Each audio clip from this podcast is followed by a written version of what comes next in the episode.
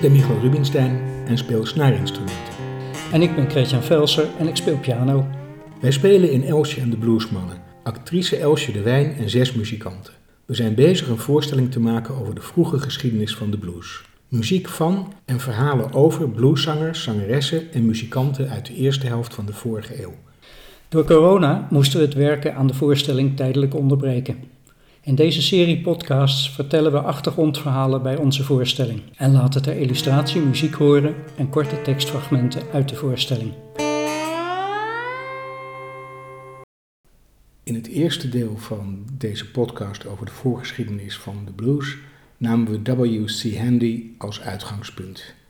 We hebben veel aandacht besteed aan muziek van de Black Minstrel Shows, omdat Handy jarenlang bij zo'n Black Minstrel Show heeft gespeeld. En aan het eind van de aflevering stelde Chrétien mij deze vraag. Er was vast nog meer muziek dan die minstrelshows. In dit tweede deel gaan we proberen om op die vraag een aantal antwoorden te geven. Nou, er was in die tijd inderdaad heel veel meer muziek. Echt een rijk uh, muziekleven. Mm -hmm. uh, er, was, uh, er waren brassbands. Mm -hmm. er was opera. Mm -hmm. Er was klassieke muziek. Ja, zeker. er waren heel veel zanggroepen. Er waren stringbands, waar we zo nog over komen te spreken. Ja. En er was natuurlijk muziek in de kerk. Ja. Afro-Amerikaanse kerk was uh, voor een groot deel waren dat baptistengemeentes. Mm -hmm. En die namen in eerste instantie de Europese hymnes over, maar later kwamen daar ook steeds meer eigen uh, liederen bij. En al ergens in de 19e eeuw is daar een boek van gepubliceerd, speciaal gericht op de Afro-Amerikaanse kerk. En ja, dat was een soort repertoire wat iedereen kende. En uh, daar ontstonden de spirituals uit. In de spirituals komen eigenlijk twee dingen bij elkaar. De christelijke, westelijke kerkmuziek aan de ene kant en aan de andere kant de vorm die de Afro-Amerikanen hadden meegenomen uit, uit Afrika. En daarin zat bijvoorbeeld het vraag-antwoord. En dat zit, uh, beide aspecten zitten in die spirituals. En spirituals, dat zijn liederen die vaak gebaseerd zijn op bijbelse verhalen. Mm -hmm. En soms ook met een soort dubbele bodem erin. Uh, en de dubbele bodem is dan dat ze iets zeggen over de bevrijding van het volk. En dat, uh, nou, dan gaat het duidelijk over de uh, Afro-Amerikanen zelf. Spirituals zijn dus iets anders dan gospel. Ja, gospel is, is, staat meer in het dagelijks leven. Ja. in gospelmuziek kun je een nummer hebben als Jesus on the Main Line waarin mm -hmm. Jezus als het ware de telefooncentrale bedient. Ja. En dat, dat kan niet in een spiritual. Nee. In, in een spiritual heb je bijvoorbeeld uh, Joshua Fit, The Battle of Jericho, ja. uh, waarin dat, de muren instorten. Of Go Down Moses, dat is Go Down Moses is een heel mooi voorbeeld waar de tocht door de, de, Rode Zee. door de, de Rode Zee, en dat is een soort tocht, de Exodus op weg naar de bevrijding. Nou, dat, die vergelijking die begreep iedereen. Is daar nog iets van bewaard gebleven? Ja, uh, nou, uh, het, het, er is eigenlijk heel veel van bewaard gebleven. Het repertoire van de spirituals, zoals dat toen bestond, dat bestaat eigenlijk nog steeds. Een van de eerste gezelschappen die daar succesvol mee was, was de Fisk Jubilee Choir. En dat was een koor van Fisk University, -hmm. in 1865 in Nashville opgericht een van de twee eerste zwarte universiteiten. En die hadden geld nodig uh, om, uh, voor restauratie van gebouwen of voor nieuw gebouw. En uh, om dat geld bij elkaar te krijgen, hebben ze toen een koor opgericht. Wat is gaan rondreizen. Dat was niet onomstreden, want mocht je wel met dit soort muziek naar buiten komen. En aanvankelijk was hun repertoire ook behoorlijk traditionele klassieke muziek. Mm -hmm. en zo ook gezongen, maar en deden ze een paar spirituals, maar dat sloeg juist heel erg in bij het publiek. En toen zijn ze steeds meer daarvan in hun voorstelling. Ja, en je zegt, mogen ze daarmee naar buiten komen? Is dat ook van wat je dan net zei, van uh, de, uh, de scheidslijn tussen tussen kerkmuziek en wereldse muziek. Ja, ja. Dat, je daar, daar mag je, dat mag je niet vermengen. Of, Nee, precies. Het, eh, het was ook eh, binnen de spirituals en later ook in, in de gospel in, in- niet onomstreden. Mochten er nou solisten zingen of moesten het vooral koren zijn? Een solist is eigenlijk een soort ijdelheid. Ja. eh, en een, een koor geeft veel meer het gemeenschappelijke aan. Ja. Maar bij die Fisk Jubilee zingers zie je al meteen dat solisten heel sterk naar voren komen. Eh, wat voor een deel ook eh, eigenlijk operazangeressen of zangers zijn, maar die geen kans hebben om in de opera echt rollen te krijgen. Ja. Dus die komen dan in dat. Fisk-koor ja. terecht. En dat koor was enorm populair. Dat, eh, die hebben wereldwijd eh getoerd. Mhm. Eh, ook in Nederland. Echt. Ja, Ja. Dat is, die zijn in 1875 zijn ze in Nederland geweest, hebben voor, op het Lo opgetreden voor koning Willem III. En verder hebben ze opgetreden in Kampen, in Harlingen, in Amsterdam en in Utrecht. Ze hebben in Amsterdam in de Lutherse kerk gespeeld bijvoorbeeld. En in Dordrecht dacht ik ook in een kerk gespeeld.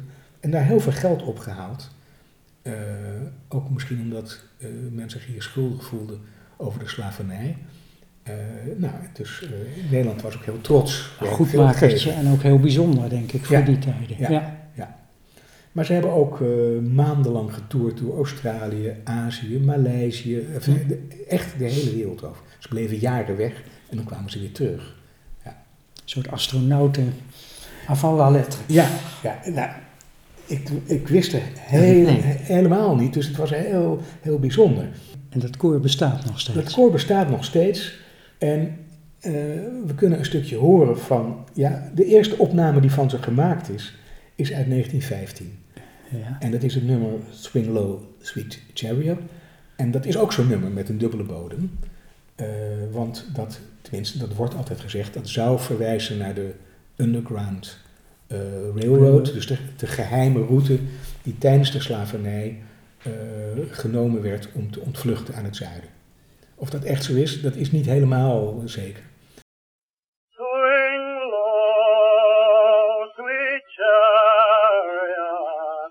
Coming for the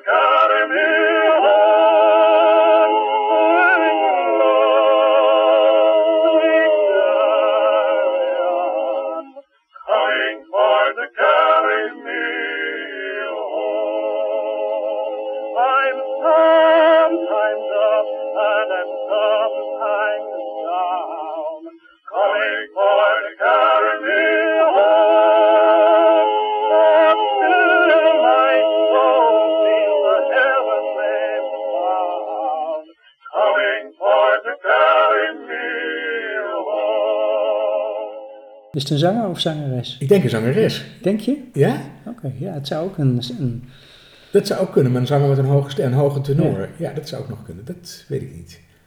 Heel ja, gedragen, wel heel mooi gezongen. ja, Als je nu luistert, want eh, zij bestaan nog steeds, ze maken nog steeds opnames, dan vind ik het leeuwendeel van wat zij doen, is ook nog steeds heel gedragen, heel erg mooi gezongen. Maar hele eh, ja, statige muziek zou ik Mhm. zeggen. en gospel is, Ja, gospel is, eh, is, eh, is aardser. En ergens in de, in de 19e eeuw ontstaat er een stroming in, in de Afro-Amerikaanse kerk. Dat heet de Sanctified Church. Of de Church of Holiness. Misschien is dat nog een onderscheid. Maar er zijn ongelooflijk veel eh, kleine afsplitsingen. afsplitsingen. Ja. En die geven juist, eh, daar gaat het in de kerk veel, eh, nou, helemaal niet ingetogen aan toe, maar juist heel expressief met ertussendoor roepen en eh, in trance raken, Ja. in, in, in tongen gaan spreken. Het beeld van de Blues Brothers in de kerk. Ja, Ja. ja dat beeld en, en de muziek die daarbij hoort, die is echt heel erg sterk gesyncopeerd. Dus met, juist met die tegenmaat en nou, heel erg ritmisch. En, Mhm. eh, ja, ik laat er iets van horen. Eh, maar dat is wel, eh, nou het is niet helemaal hedendaags, maar het is wel veel nieuwer. Want het is van eh, James Cleveland, The Lord Brought Us uit 1962.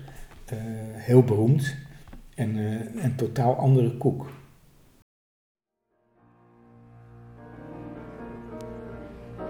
Let us all say amen. Say it again. Say it one more time.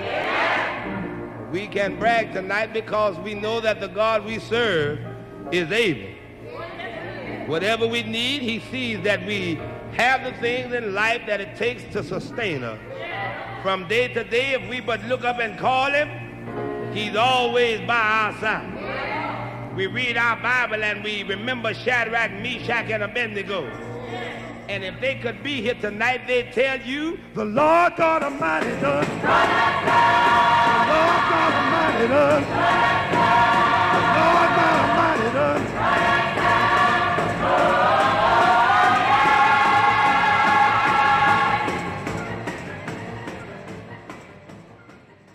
We hebben de minstrel shows gehad. Mhm. We hebben, de, we hebben de, de spirituals en de gospels gehad. Eh, laten we even teruggaan naar W.C. Handy. Want Mhm. wat was er nog meer in, het, eh, Ja, in dit, Nou ja. dit muzikale veld? ja, er was natuurlijk nog eh, ragtime muziek. Ja. Dat was de jazz die opkwam in die tijd. Veel, al, veel pianomuziek. Veel mensen kennen nog wel Scott Joplin bijvoorbeeld. Ja. Dit is een klein voorbeeldje van ragtime muziek. Niet een opname uit die tijd trouwens, maar wel een nummer wat toen al populair was en wat we eigenlijk nog steeds kennen, Georgia Camp Meeting.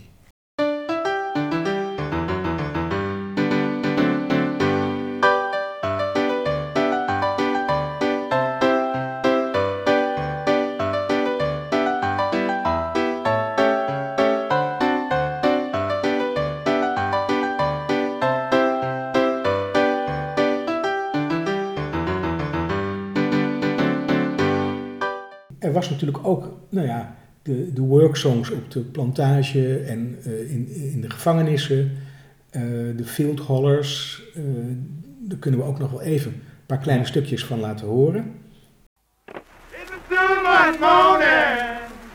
Head, no, no. I went to the bottom. Good God Almighty.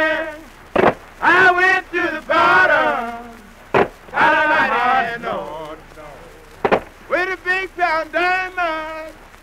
Good God Almighty. With a big pound diamond. Ah, but Lord, no. Saw the captain riding. Good God Almighty.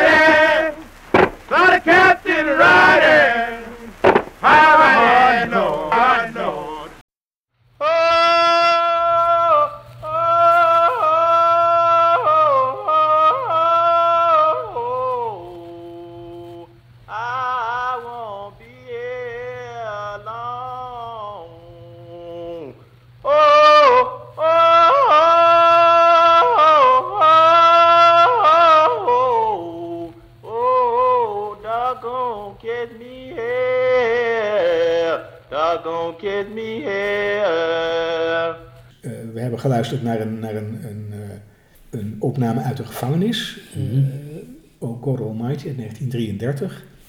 En een stukje van eh, wat heet een cornfield holler, dus echt wat in het graanveld Het meest dichtbij je dat je kan komen met hoe het ooit geklonken Ja. moet hebben. Ja, precies. Ja. Ja.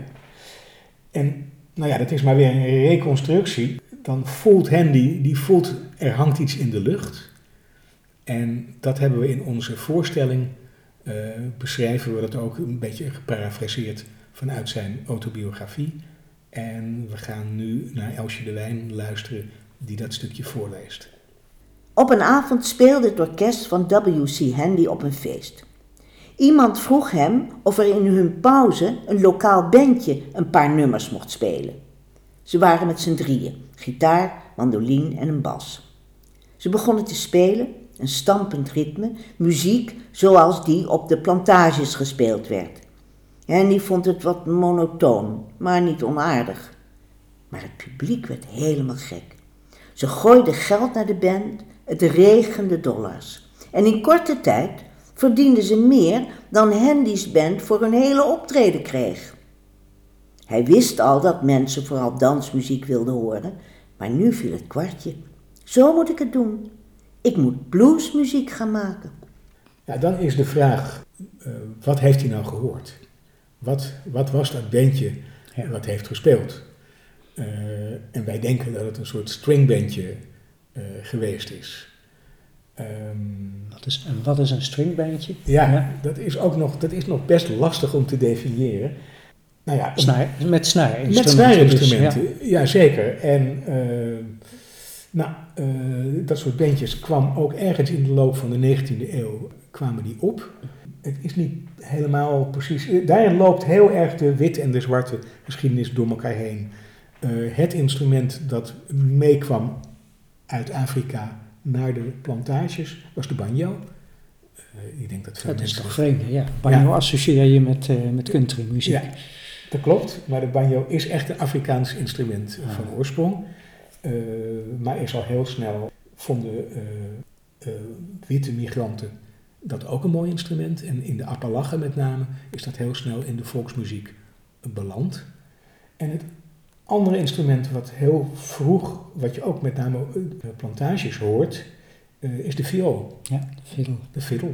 Ja. Dus waarschijnlijk zijn het eerst duo's geweest die dat hebben gespeeld. Misschien nog wel met iets van ritme erbij.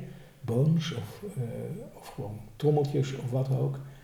Eh, gitaar en later ook mandoline Mhm. komen erbij. Bij mandoline moet je dan nog de oude die buikmandolines voorstellen uit Italië. Die kwamen ook met migranten mee. Ja, die kwamen ook eh, Ja. mee. En nou ja, dan vormen zich dus stringbands en die gaan allerlei soorten muziek spelen. Die gaan, kijk, in feite speelden die ook gewoon eh, wat er gevraagd was. Dat spelen we, want dat is ook wel een, een, eh, een rode draad die we in onze verhalen tegenkomen. Hoezo alleen maar blues spelen, daar kon je niet van leven. Dus je speelde gewoon wat er gevraagd werd. Ja. Ja. En nou ja, goed, van Afro-Amerikaanse stringbands is heel weinig bewaard gebleven, want die werden niet opgenomen. Mhm. Want die pasten niet in het, eh, in het vakje race records met blues. Die bestonden ook nog niet, denk ik. Ja, ze bestonden wel, maar ze werden gewoon. eh, ze- soms werden ze wel opgenomen, maar dan Mhm. werd er niet aan het publiek verteld dat het eh, een Afro-Amerikaanse groep was. En kijk, eh, we gaan zo meteen twee voorbeelden horen. We gaan de allerberoemdste Afro-American stringband horen, de Mississippi Sheiks. Ja. Als je luistert en je weet niet of de muzikanten zwart of wit zijn, kan je het niet horen. kan je het niet horen. Nee. En het andere is een opname uit 1980, uit de jaren eh, eh, 1980, van twee broers, Joe en Odell Thompson. En die spelen Rolling My Sweet Baby's Arms. Nou, dat, dat nummer ken ik al heel lang, maar dat is echt, ik ken het als een country nummer. En eh, ja, bij die stringbands zie je dus echt een hele mooie, eh, eigenlijk een vermenging Ja. van, eh, van de, van de, van de eh, zwarte en de witte muziek.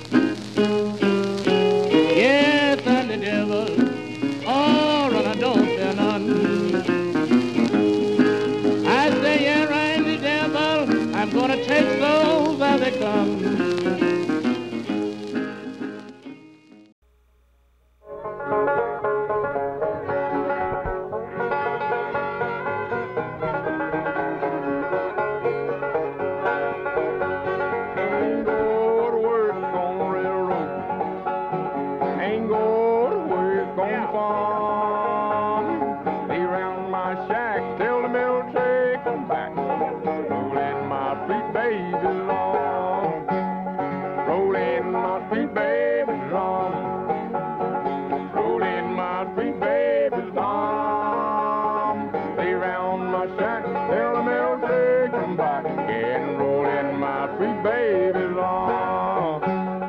Tell me your pants don't like me.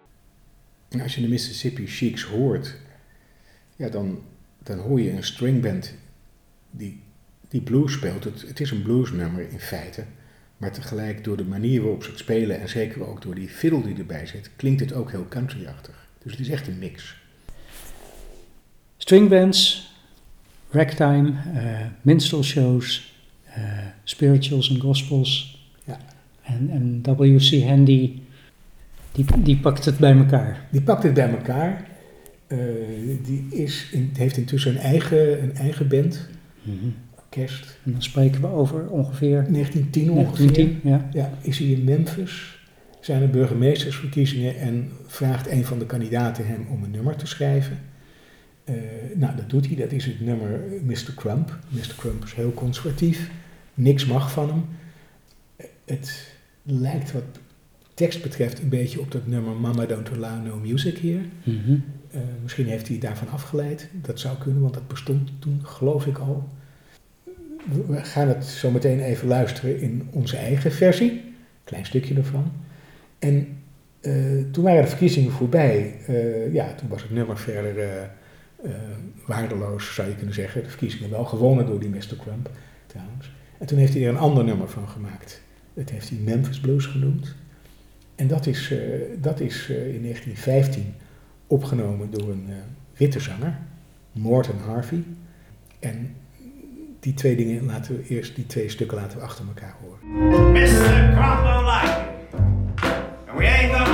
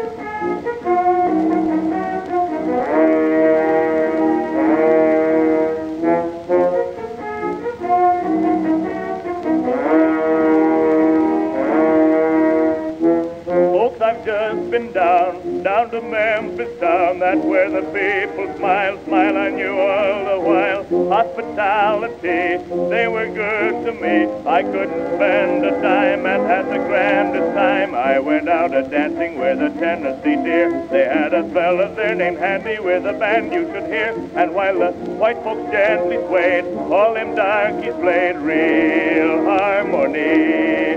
I never will forget the tune that Handy called the Memphis Blues. Oh, the blues. Er is iets grappigs nog over te vertellen en nog iets wat bijzonder is.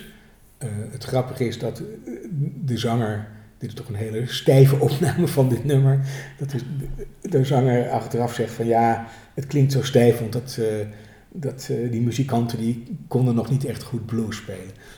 Nee, hij kon wel al heel goed blues Hij zingen. kon heel goed ja, blues nee, zingen. nee, deze man Ja. had echt de blues. Ja, ja. Nou, en het andere is eh, dat dit nummer op bladmuziek is uitgebracht. En bladmuziek was toen een goede manier om geld te verdienen. Dus die, die, eh, dat waren losse velletjes en die werden echt eh, heel veel verkocht. En eh, hoewel dat Handy niet meteen gemakkelijk afging, is dit wel, wordt altijd gezegd, het eerste bluesnummer wat officieel op muziek gepubliceerd is.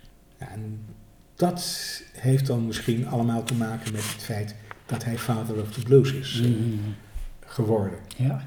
Mij, mij heeft het geleerd dat eigenlijk in die 19e eeuw er al een ontzettend brede en rijke Afro-Amerikaanse muziekcultuur was. Veel, veel eh, voller en eh, veelvormiger en ook succesvoller dan ik, eh, eh, dan ik Ooit had, gedacht had. Ja, Ja, dan ik ja, ooit ja. gedacht had. Ja. Dus dat, eh, ja, dat is wel heel, eh, eh, heel goed om dat, eh, En daar is eigenlijk meer van bewaard gebleven dan van wat er op de plantages werd gespeeld. Ja, klopt. En hoe, heeft, eh, hoe hebben dit soort, deze muzieksoorten, die elkaar onderling beïnvloed hebben, hoe hebben die nou de blues beïnvloed? Of hoe hebben mensen die op de plantages muziek maakten, hoe hebben die kennis genomen van dit soort muziek? Nou ja, minstrelshows en swingbands die trokken natuurlijk rond. Dus ik denk Ja. eh, dat, eh, dat mensen die wel kenden, iedereen kwam in de kerk. Mhm. Dus de spirituals en het, dat repertoire kende denk ik ook iedereen. Maar ja, van daaruit lopen er ook verschillende sporen naar, naar wat wij nu blues noemen. Mhm. Dus eh, één spoor gaan wij de volgende keer nader onderzoeken. Dat is het spoor van de blues De queens. zangeressen, ja, Ja, de blueszangeressen ja. uit de twintiger jaren. Ja, nou dat loopt heel erg Ja. eh, door op, op wat eh, W.C. Handy doet.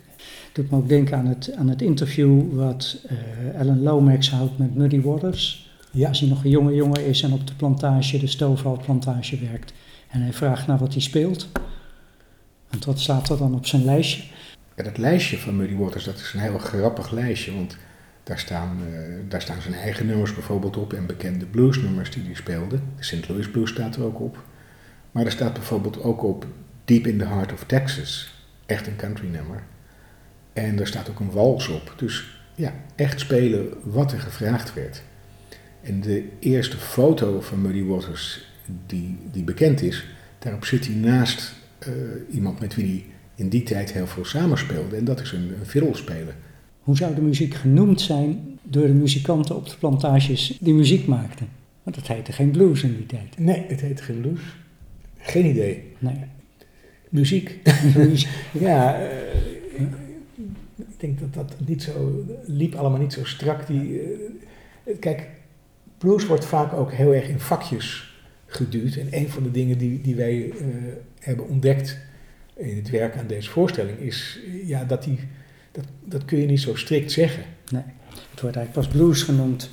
Op het moment dat het labeltje op een plaat verschijnt en boven bladmuziek verschijnt, is het al een, een mengvorm van allerlei muzieksoorten die, die populair is. Ja. Dit was een aflevering van de podcast die wij maken over de vroege geschiedenis van de blues.